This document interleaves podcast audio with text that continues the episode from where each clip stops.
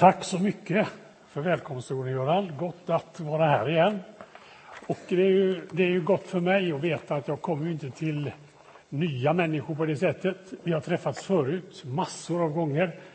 Och när jag fick veta det här uppdelningen nämligen, när man delar ut vem som ska vara var, det är lite lotteri när vi gör det i, i kristna samarbetsrådet. Det gäller bara att man inte kommer för snabbt till det stället man var förra året.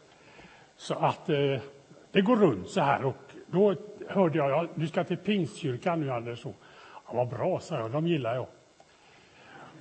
Och eh, jag, har, jag har ju umgåtts med väldigt många av er under lång tid. När jag var pastor i Lindome förra seklet så, så var det ju så att vi träffades mycket där. Jag har suttit på tältmöten med pingstförsamlingen och frusit.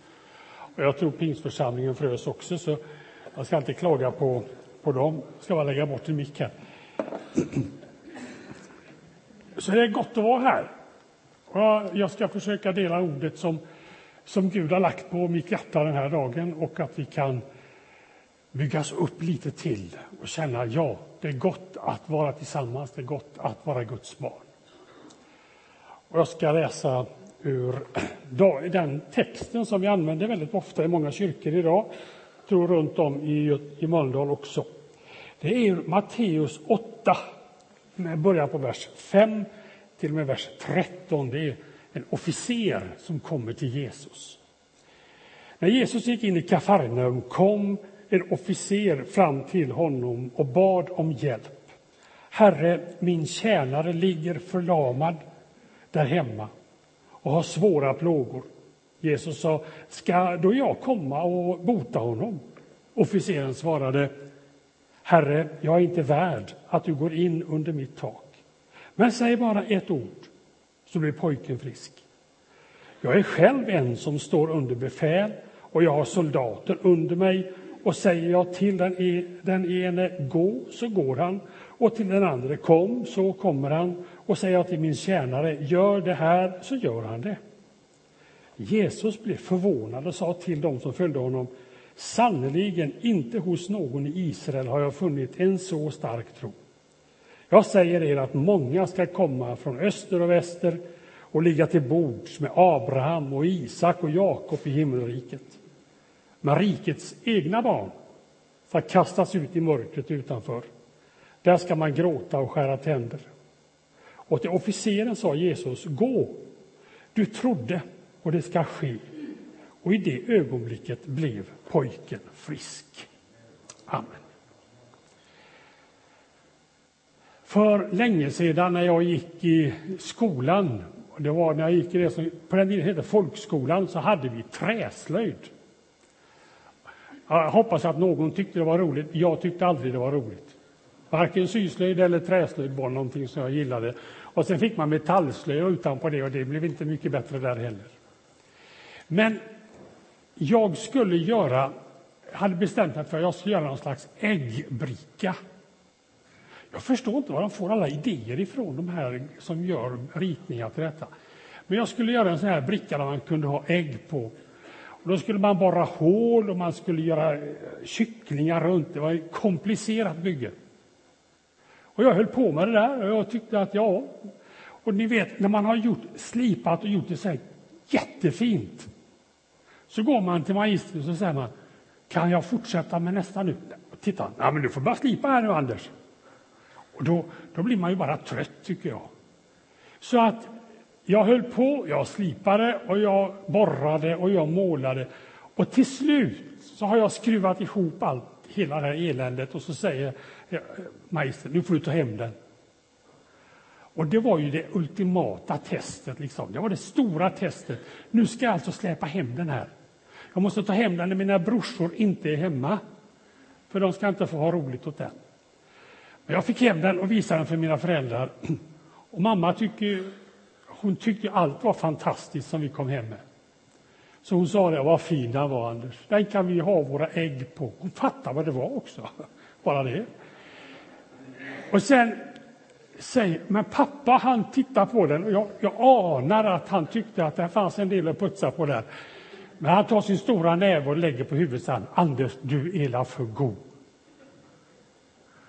Och du förstår, detta var det bästa med den ägggrejen jag hade gjort.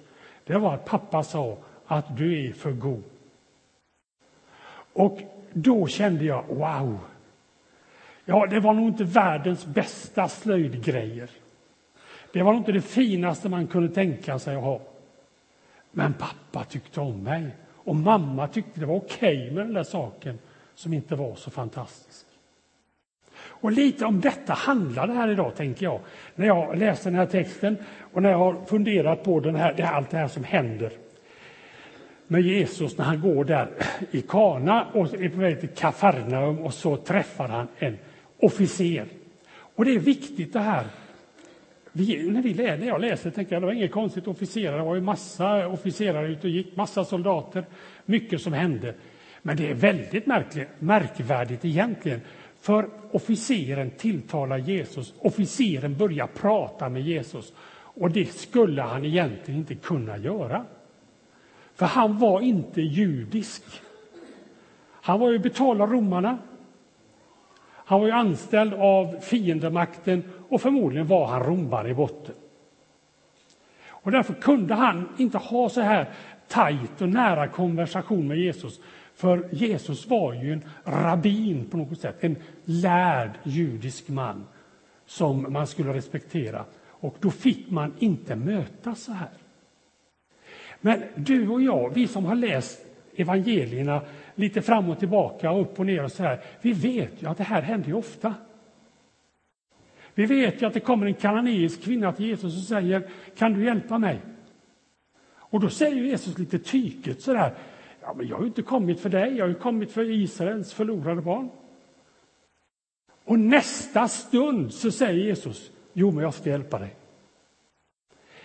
Det vi inte tänker på, kanske du och jag, det är att Jesus bryter väldigt mycket utav de här självklara reglerna. Han fick ju inte göra det, men han gjorde det ändå. Och han säger till dem, jag har kommit för detta folket. Och plötsligt så vänder han sig och börjar ta hand om alla. Och att det är stort, det skulle du och jag vara otroligt tacksamma för. Det är därför vi är här nämligen. Vi är här för att Jesus sprängde den där ramen som sa det är bara för oss. Och Det skulle också kunna utmana oss så att vi inte tänkte så mycket på det här är för oss. Det finns inga sådana sammanhang egentligen i den kristna församlingen där det gäller bara oss. Utan det är något mycket större. Och Jesus tar hand om den här mannen och han blir förvånad. Han, han blir glad, för där står ju officeren och säger det. Jag kan väldigt mycket. Jag har befäl, men jag för befäl. Jag säger till den, gör så, så görs det. Den så, så görs det. Och nu står jag här, Jesus. Och jag kan ingenting. Jag kan ingenting. Jag behöver din hjälp, Herre. Och det är då Jesus säger, det är otroligt gott. Det här, Jesus sa att Jesus blev förvånad när han hörde detta. För han förstår att den här mannen, han har en tro som Jesus inte anade fanns där. Och Det är spännande att se hur den här tron växer fram hos mannen. För den växer fram genom att Jesus bjuder in honom. Jesus säger, hur, hur är det? Vad är det som bekymrar dig? Vad är det som oroar dig? Och så kommer berättelsen. Så kommer oron över en, en tjänare som han älskar, som är viktig för honom. Och så kommer berättelsen om att han kan befalla, men nu vet jag inte vad jag ska göra. Hur gör jag? Jesus, jag står här hos dig och jag vet inte vad jag ska göra, men jag kommer till dig. Det är det som är tro. Det är det som är tro, eller tillit som jag också tycker är ett väldigt bra ord för vad vi gör med tro. Det är alltså Jesus som lockar fram tro. Officeren hade inte läst på, han kunde inte den judiska lagen, absolut inte. Han kunde inte någonting av traditionerna där. Han var bara där för att hålla ordning på folket. Han har inga förkunskaper, han är ganska blåst på allt sammans och han vet inte ens att han, hur man ska närma sig Jesus. Han går bara pang på och säger så här är det. Men Jesus inbjuder ju honom. Och Jesus inbjuder ju dig och mig och oss alla att komma precis med det som vi bär just nu och vara hos honom och hos honom få hjälp. Det är Jesus som skapar tro. Och det, jag hoppas vi kan få med oss det idag, du och jag. Att det är, inte, det är inte jag som tror, det är inte jag som har ordnat min tro, utan det är Jesus som har gett oss den. Trons gåva kommer från Jesus Kristus. Och då är det den tron på att Jesus är Herre, att Jesus är Gud och att han älskar sin värld. Jesus lockar fram den tron och vill locka fram den hos dig och hos oss alla. Och för ibland så kan man ju tänka så här att jag har liksom format min tro själv. Ibland kan vi, ja, jag har säkert tänkt så. Jag, för det mesta kan jag säga att jag har tänkt alla tankar som är fel. De har jag tänkt någon gång för, för. Jag håller fortfarande på att rensa bland dem. Men en, en tanke man kan tänka är att jag har hittat min tro. Och det låter ju bra och vackert, men egentligen är det inte jag som har hittat den. För Jesus Kristus har mött mig och sagt till mig. Du är min. Och där händer det. Där sker det att jag känner Wow, jag är hemma. Jag är framme. Det är gott. Jag är älskad. Jag är Guds barn. Och jag har inte gjort ett skvatt egentligen. Och ju mindre skvatt man kan göra, ju bättre är det faktiskt. För det är när vi tar i, det är när vi ska visa Gud som det går galet. Det är då det blir fel. Det är då vi inte riktigt, riktigt kan få fram det vi behöver. För ibland så tror ju vi, det är lätt att luras till det, att om jag gör så här så är jag en väldigt bra kristen.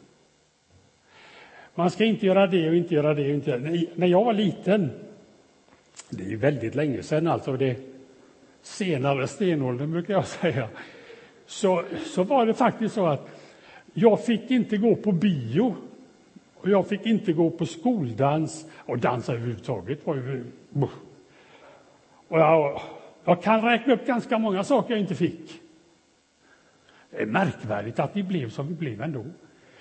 Men, och då tänkte vi så här, jag trodde det att man måste göra så här, man måste uppföra sig så här om man ska vara en bra kristen.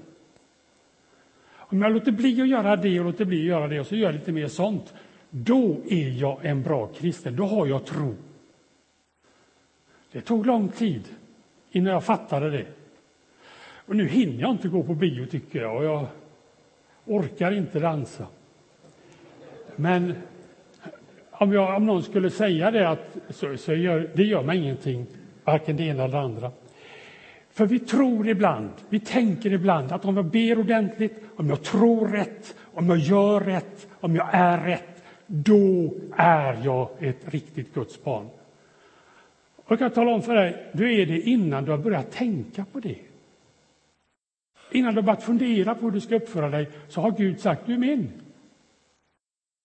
Och det här stör en del människor så att om du tycker det här är alldeles galet så kan du vänta en stund innan du, innan du stänger öronen. För det är så här att när Jesus dör på korset, och det hävdar jag bestämt, när Jesus dör på korset så säger han det är fullbordat. Men det visste ni va? Typ flera som nickar, ni har läst Bibeln. Och det häftiga är att när man läser i Bibeln så finns det ingen stjärna eller asterisk som säger där nere ska man läsa också. För han säger inget annat. Det är färdigt. Han säger det för att det är färdigt. Han kunde ju sagt så här, det är fullbordat, särskilt för pingstvänner och folket i Bifrostkyrkan. Nej, de som tror si och de som tror så är det särskilt färdigt för. Han sa inte det heller. Han sa att det är fullbordat. Och då menade han att det är fullbordat för varenda människa som finns och som lever. Och Gud älskar varje människa helt och fullt. Det finns ingen människa, och jag har nog sagt det här, det borde någon ha hört förut, men jag har hört mig en gång tidigare, att när jag har haft konfirmander och sånt där så finns, ställer vi ibland tokiga frågor, riktigt dåliga frågor är de bästa nämligen. Så frågar man så här, gör en lista på de fem människor i världshistorien som Gud inte kan älska. Och konfirmander är ju lydiga till viss gräns i varje fall. Och så kommer det en lista, och där står det nästan alltid Hitler, Mussolini, Mao Zedong, min lärare och farmor. Nej. Man har lite, lite så här varianter på temat. Och så säger, och då är det lite maffigt och lite tråkigt att behöva vara, vara lärare och säga det är fel. Så, ska vi göra om listan? Nej, vi vill inte göra om listan. Det finns ingen sån lista. Men Gud kunde ju inte ha älskat Hitler. Jo, faktiskt. Gud älskade Hitler till, tills Hitler dog. För det var Guds enda chans att få honom att vända om. Det var världens enda chans. Det var att någon älskade honom så att han var, kunde inse var han var någonstans. Nu blev det inte så. Och Det är väldigt många människor det inte blir så för. Men din och min uppgift, vi som har funnit kärleken i Gud, är att älska varje människa vi möter fram till Jesus Kristus. Och då finns det ingen lista på vem som är undantagen Jesu försoningsdöd. Alla är med. Och det här får vi försöka jobba med. Och vi får jobba med det var och en så mycket vi kan. För genom Jesus Kristus, för Gud är genom Jesus Kristus alltid före oss. Det är en sån där teologisk grej jag har lärt mig som är väldigt viktig, nämligen att Gud är före oss. Och det, det är så stort och det är så gott. För att det är nämligen så att jag har jobbat som präst, pastor på, på häktet till exempel.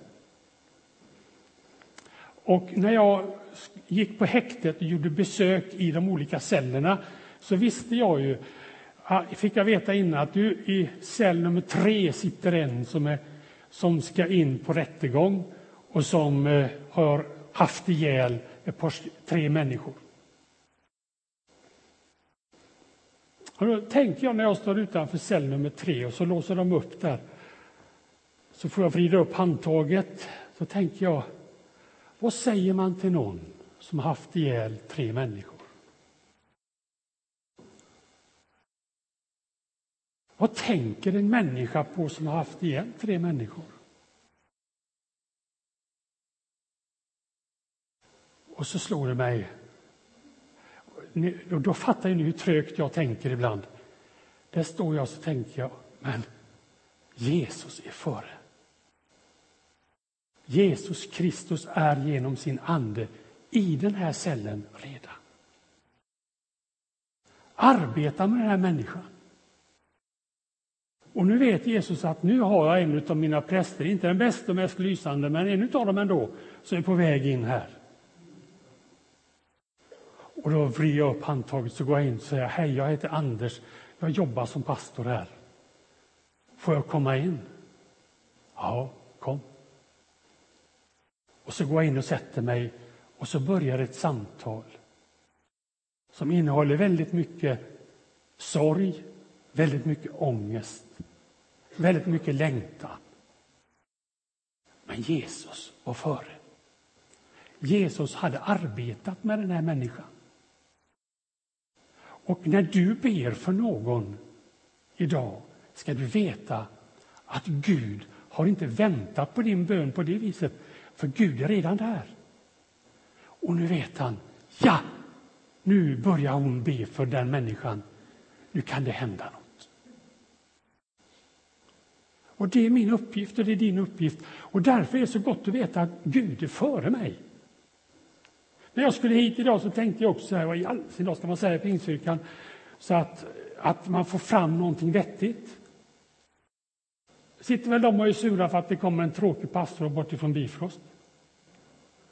Men så, så vet ju jag då igen, Jesus är före. Och han har förberett både dig och mig för den här gudstjänsten. Och han har jobbat långt innan. Och när vi, när vi till slut fattar detta, att Gud är min, så kan den heliga Ande börja arbeta i oss och med oss och förvandla oss och göra oss till goda arbetare i hans rike. Och då kommer det där, du vet, du vet att man ska vara trevlig och hjälpsam och allt det där som Galaterbrevet 5.22 säger. Då kommer det, för i Galaterbrevet 5.22 så heter det Andens frukter. När vi kommer till tro, Anden tar tag i oss och förvandlar oss. Och då blir det glädje, frid, tålamod, kärlek, ödmjukhet, mildhet och allt det där. Gud gör jobbet i dig när du släpper till. Det börjar alltid i tilliten till Jesus Kristus. Allt börjar hos honom. Och då behöver vi inte frestas att vara duktiga innan dess. Vi kan vila i att jag är hans. Men Jesus hade ju en spark här, rätt rejäl mot det utvalda folket som skulle skära tänder och gnissla och ha sig någon annanstans. Och ibland kan man tänka så här, jaha, nu fick de sig en känga där. Men jag är livrädd för sådant, för då kanske det också är så att det faktiskt inbegriper mig själv. När Jesus eh, skäller ut fariseerna och talar om att så här gör ni. Så tänker jag, jaha, där fick de. Ja, det kan de gott ha. Och så slår det mig, men det kanske är mig jag också. Det kanske är jag också som inte riktigt klarar av, inte riktigt lever så som Gud vill att jag ska leva. Så det gäller liksom inte att peka näsa åt någon som, som Jesus skäller på och är upprörd över, för jag kanske sitter där själv. För så står, och om du vill läsa någonting riktigt krångligt så ska du läsa Romarbrevet. Där talar Paulus ordentligt om allt det här. Och så skriver han så här i Romarbrevet 9 och 4. Det är ju israeliterna som har fått söners rätt, härligheten, förbunden, lagen, gudstjänsten och löftena. Det har fäderna och från dem kommer Kristus som människa. Han som över allting, Gud, välsignad i evighet. Amen. Och det här är ju Paulus beskrivning av, av judisk tro, av det judiska folket. Och så, men sen kommer han till en bit fram där i 30 versen. Vad innebär nu detta? Jo, att hedningarna som inte strävade efter rättfärdighet har vunnit rättfärdighet, men en rättfärdighet som bygger på tro. Israel däremot, som strävade efter en lag som ger rättfärdighet, kom inte fram till den lagen. Varför? Därför att de inte höll sig till tron utan ville hålla sig till gärningarna. Och det här gäller ju inte bara det utvalda folket, det gäller ju oss alla som människor. Och det är precis det här som jag talade om nyss, att vi så lätt börjar gärningar. Att vi så lätt ska vara duktiga, bra, dugliga och tro att vi på det sättet förtjänar Guds kärlek och rättfärdighet. Och så säger så säger evangeliet detta att du är Guds barn den dagen du lämnar dig till honom och bekänner honom, så är du framme. Och då är det ju problem. Det var ju problem för det judiska folket, för de hade lagen. Och tänkte bara jag håller lagen så blir det väl bra. Och så slet man sig nästan till döds för att hålla lagen, för att sköta sig, för att vara en sann jude, en sann människa inför Gud. Och Paulus säger i Romarbrevet, det går aldrig. Det fungerar inte så. Det är därför Jesus kom. För att säga, ja, lagen var väl bra, men jag är kärleken. Och där kärleken lever så behövs egentligen inte den lagen. För du som älskar lever över lagen. Och Det här är lite svårt för oss att få in, för vi vill ju liksom ha ordning och reda på saker och ting. Och så säger Jesus, om du lever i mig och jag i dig, så älskar du din nästa som dig själv. För det utvalda folket förföljer till att tro att bara lydnad var vägen till Gud. Bara att vara duktig och tro rätt var vägen till Gud. Hedningarna då, officeren som vi läste om nyss. Samarien som vi har läst om många gånger. Galaterna som Paulus skickar ett inskrivit brev till. Romarna, judarna, muslimerna och eh, vi här i Pingstkyrkan idag finner vägen genom Jesus Kristus. Där finner vi tron, tilliten. Vägen till tro, till tillit, till fred, frid och fred med Gud och varandra får vi genom Jesus Kristus. Inte genom att göra, vara, kunna. Bara genom att lita till Jesus, att leva i honom. Precis som Jesus mötte officeren med att lyssna, bemöta med respekt och kärlek, så möter Jesus dig och mig idag. Inte för allt du kan, inte för allt du gör, inte för allt du klarar av. Absolut inte för den moralism som kommer av lagen. Och Det är liksom ett elände med oss kristna människor att vi blir så moralistiska det, då menar jag att det blir viktigare att kunna reglerna och försöka visa att man klarar av att hålla dem än att leva i nära relation med Gud. Det är, det är viktigare att du är trevlig och skötsam än att du lever hos Jesus Kristus. Och du hör ju själv hur dumt det låter. Men börjar vi hos Jesus Kristus så kan faktiskt skötsamheten komma sen. Väldigt många jag känner som har blivit riktigt trevliga människor bara de fick möta Jesus. Det finns en del det inte hjälper på heller riktigt. Jag vet inte om man ska göra med det, men det är väldigt få. Och därför är jag till sist säga så här att precis som jag för länge sedan kunde känna att min grej ifrån slöjden var fin på sitt sätt. Att mamma säger ja, den, är, den, den kan vi använda till något så var det ändå mina föräldrars kärlek som värmde. Det var mina föräldrars omsorg. Och det var när farsan sa du är bra Anders. Vi älskar dig. Då tänkte jag, ja då kan vi elda upp den där ägghållaren. För det här var ju det viktigaste. Det är så Jesus möter dig och mig idag. Du vet, vi som har försökt att vara duktiga så mycket. Så här, ja, ja, det är bra att du är så duktig, men du, det är inte därför jag älskar dig. Jag älskar dig för att du är en människa. Och jag vill gemenskap med dig. Jag vill ditt liv. Jag vill att ditt liv ska vara gott. Jag vill att du kan vara en god människa där du finns och att du kan bemöta människor du möter med respekt och kärlek, vilka de än är. Att du inte vänder dig bort från någon, utan att du vänder dig till människor. Så får du och jag stå inför Jesus idag, kanske lite fumliga, du vet som man är när man är osäker.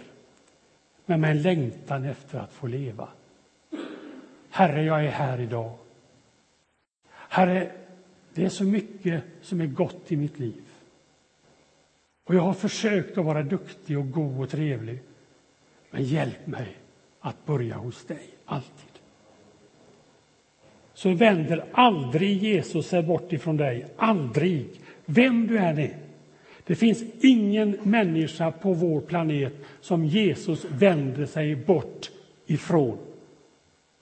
Där vi som kyrkor och församlingar enskilda kristna föraktar människor, vänder oss ifrån dem, tycker att de är fel, de lever fel, de gör fel, så är Jesus vänd till den människan ändå.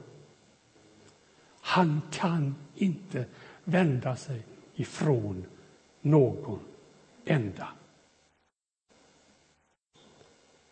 Så ger han av sig själv, av sin kärlek och sitt liv för att han älskar dig. Din tro och din längtan har mötts av Jesu kärlek.